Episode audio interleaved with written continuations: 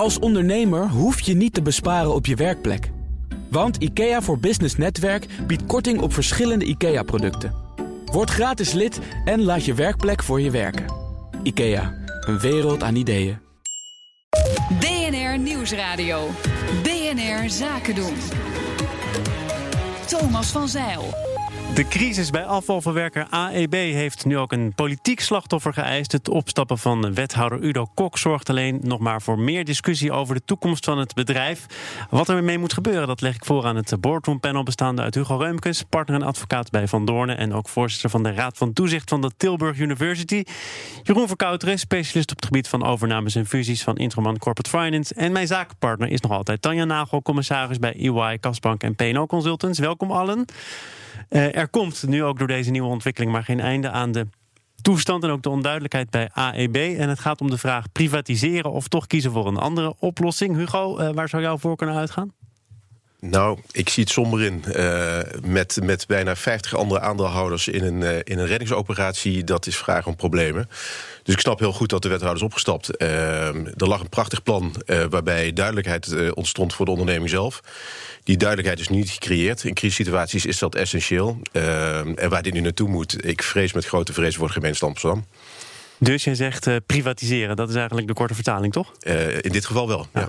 Dan moet je wel een koper kunnen vinden, natuurlijk, in de huidige situatie. En dat is natuurlijk wel het lastige. Ja, die was er, hè? Maar ja. Ja, maar uh, als je een bedrijf hebt waar zulke achterstallige investeringen in zitten. en een situatie waarbij uh, aandeelhouders over elkaar heen buitelen. wat, wat net al gezet, gezegd werd. ja, is er nog maar de vraag of je daar nog een koper voor kan vinden. Ja, want ook die, voor het management. Die koper die krijgt dan uh, hoe dan ook te maken met een bedrijf dat al heel lang in de problemen zit.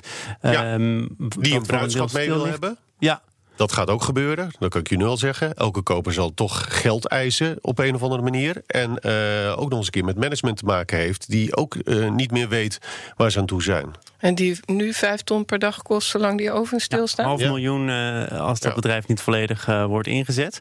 Ehm, dus, maar jij zegt, ja, dan moet je wel een koper kunnen vinden. Ja. Dat...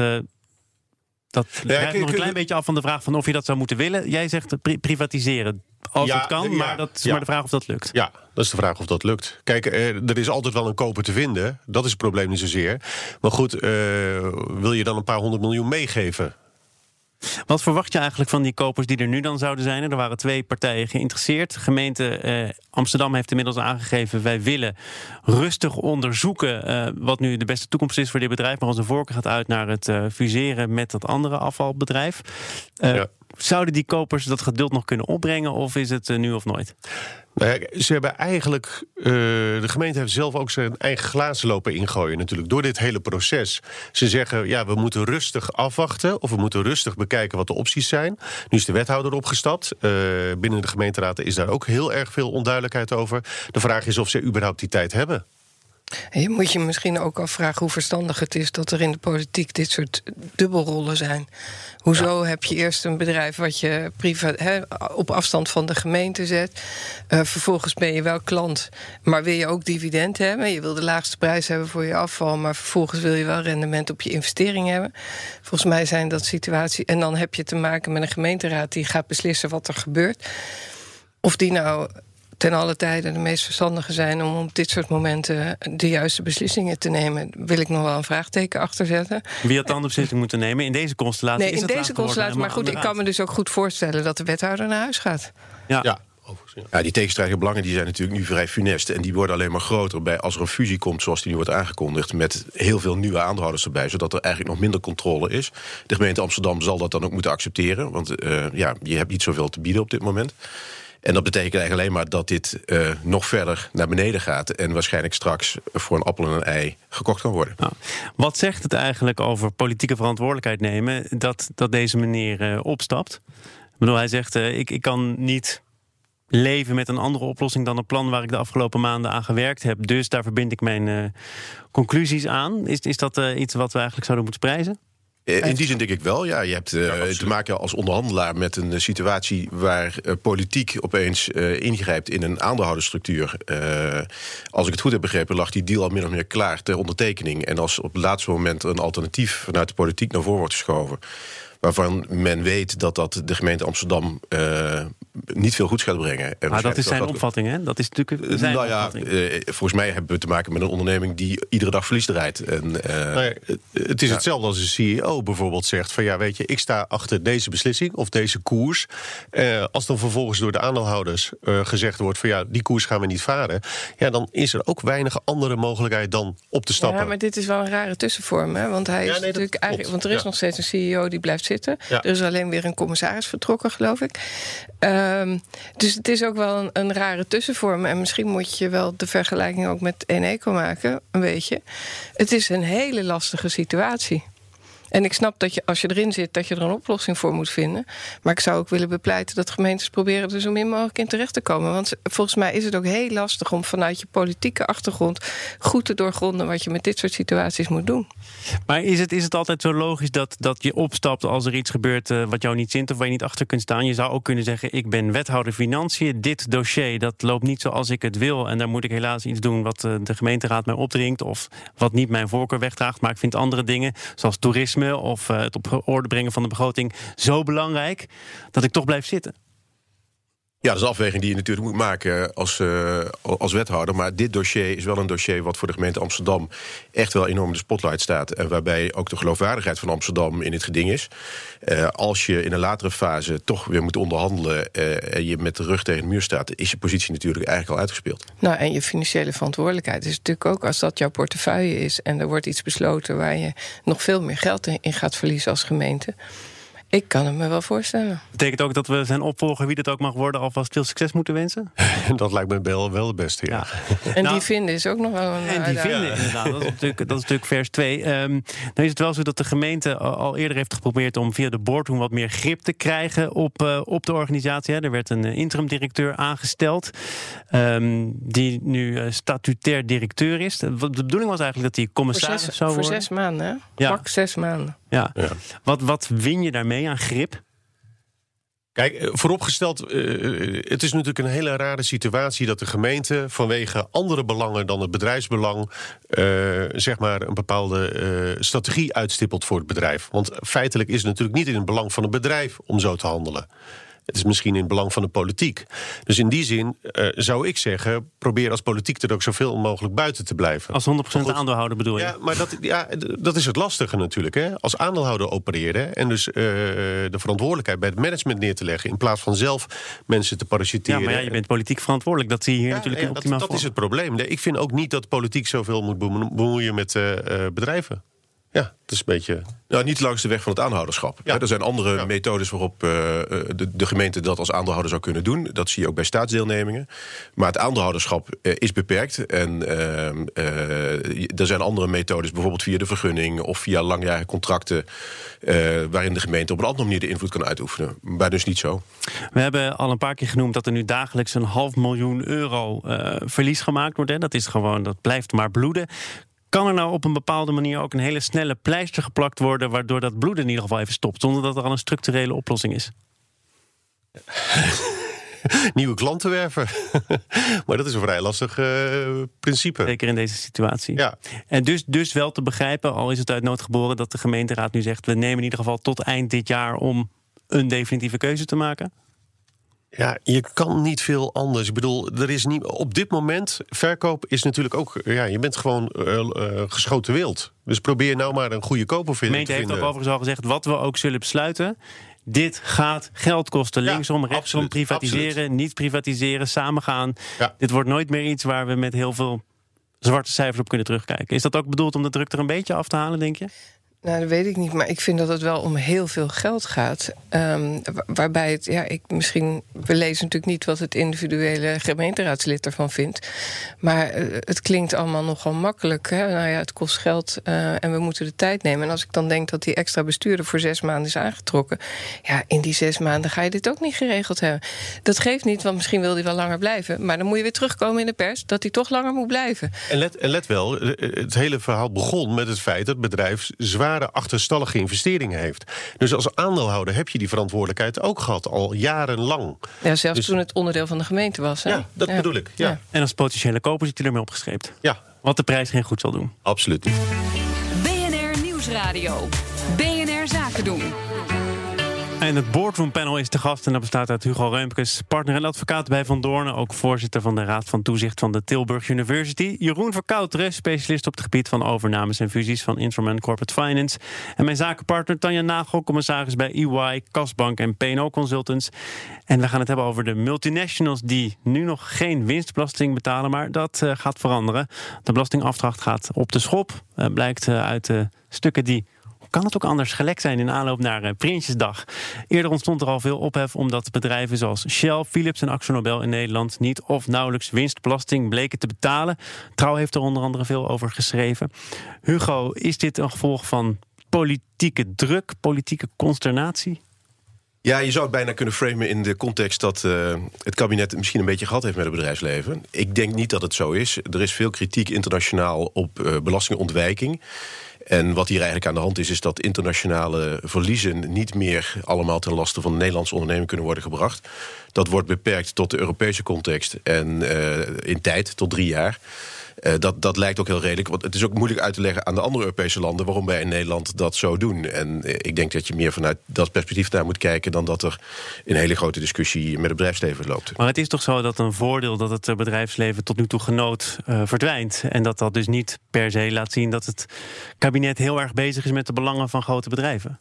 Nee, maar alles bij elkaar hebben we het over 250 miljoen. Uh, ik denk dat in de orde van grootte voor dit soort type bedrijven... dat dat nog wel meevalt. Uh, neemt niet weg dat we natuurlijk een, een tijdje geleden hebben gezien... dat uh, onze premier veel moeite deed om de dividendbelasting... voor een grote onderneming wat, wat makkelijker te maken.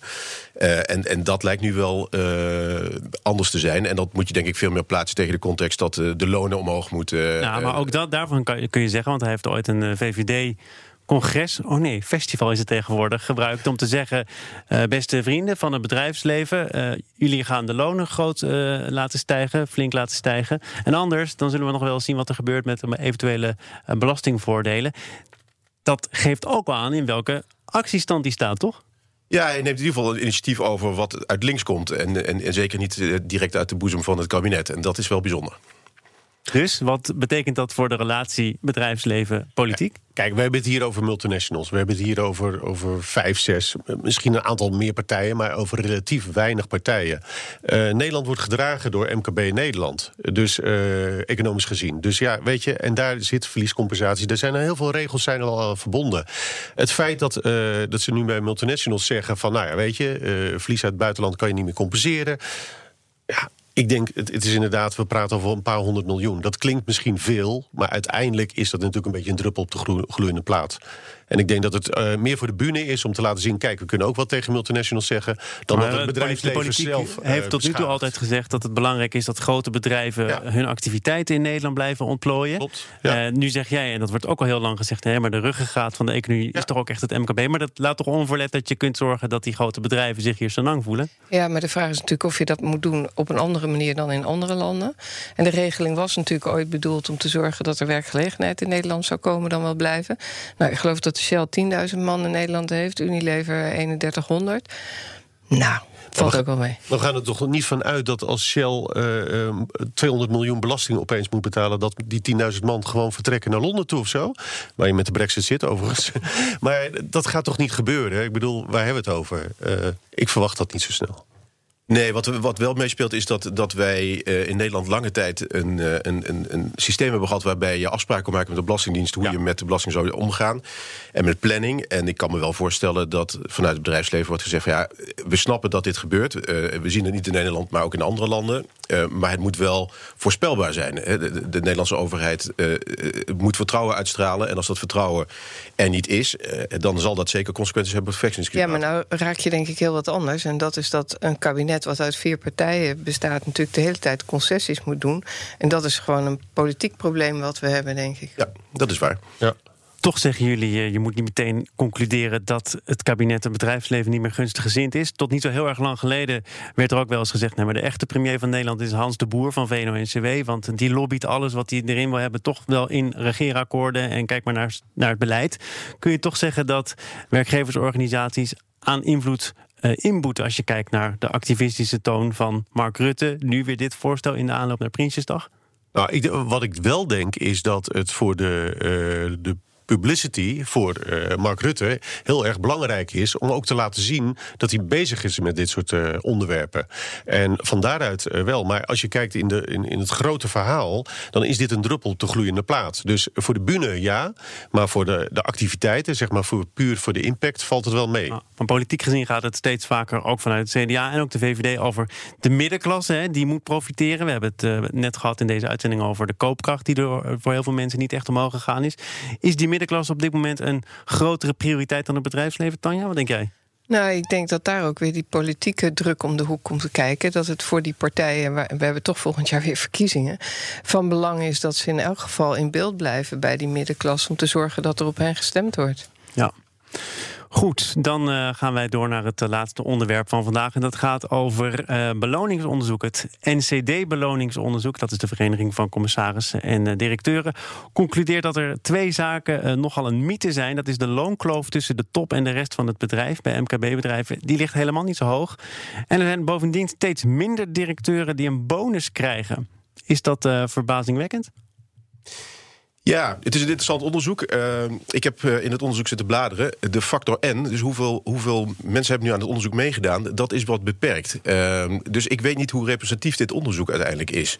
Het staat in ieder geval niet in het onderzoek. En wat opvalt is dat. Leuk om zo te beginnen. We hebben nog een paar minuten voor de boeg. nou ja, maar het is in die zin wel opvallend dat bijvoorbeeld uh, als het gaat over de, de vergoeding die commissarissen krijgen, dat die vergoeding erg lijkt op de vergoeding die in de wet om topinkomen staat. En dat doet vermoeden dat de, de, de, de bestuur bestuurders en commissarissen die aan het onderzoek hebben meegedaan, vooral in die semi-publieke sector actief zijn geweest. En daarmee ligt de vraag op tafel: hoe representatief is dit onderzoek dan? Overigens zeggen zij zelf over wie daar wel of niet hebben meegedaan. Buitenlandse commissariaten hebben we sowieso buiten beschouwing gelaten. Want daar wordt zo structureel meer mee verdiend dat dat de onderzoeksresultaten scheef zou trekken. Dus dat is al een deel van de verklaring. Ja, en daarnaast heb je natuurlijk ook uh, op het moment dat je over MKB praat, heb je heel veel uh, DGA's, directeur grote aandeelhouders, 100% eigenaren. Over het algemeen, uh, in mijn ervaring, houden die zich niet aan, aan salarisnormen als in het gewone bedrijfsleven. Die doen een laag salaris. De rest doen ze via dividend. Fiscaal veel aantrekkelijker.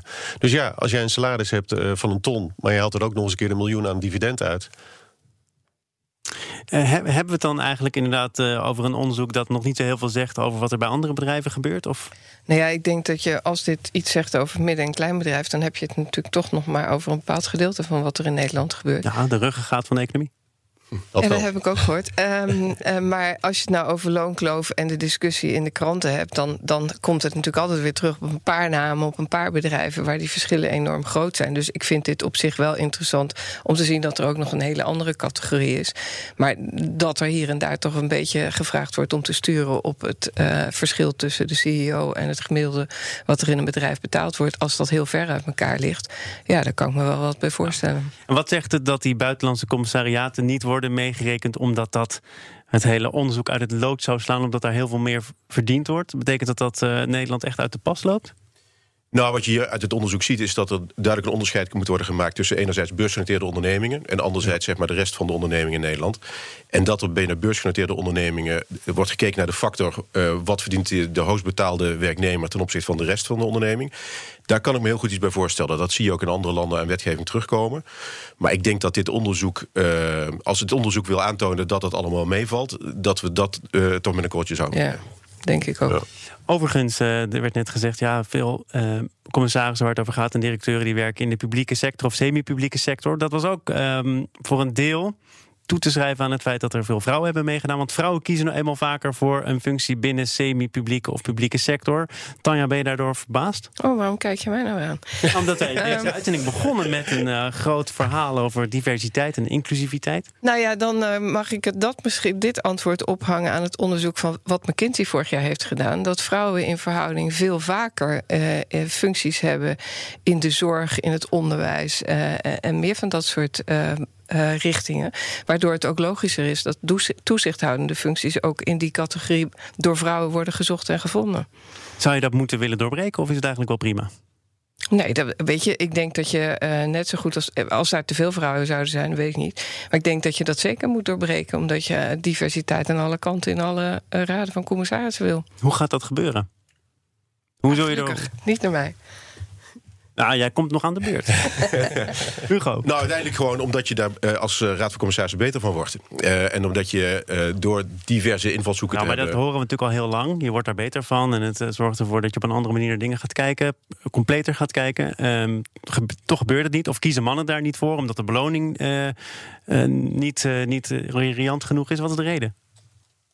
Nou ja, een, een quotum zou, zou daar wel helpen. Maar je ziet dat het streefcijfer uiteindelijk toch eh, boterzacht is. Eh, het zal echt via de inhoud gespeeld moeten worden. En eh, ik denk dat uiteindelijk ook via onderzoeken... zal, zal worden aangetoond dat diversiteit in die boardroom... eh, beter is voor de onderneming. Wat En bedoel je met de inhoud?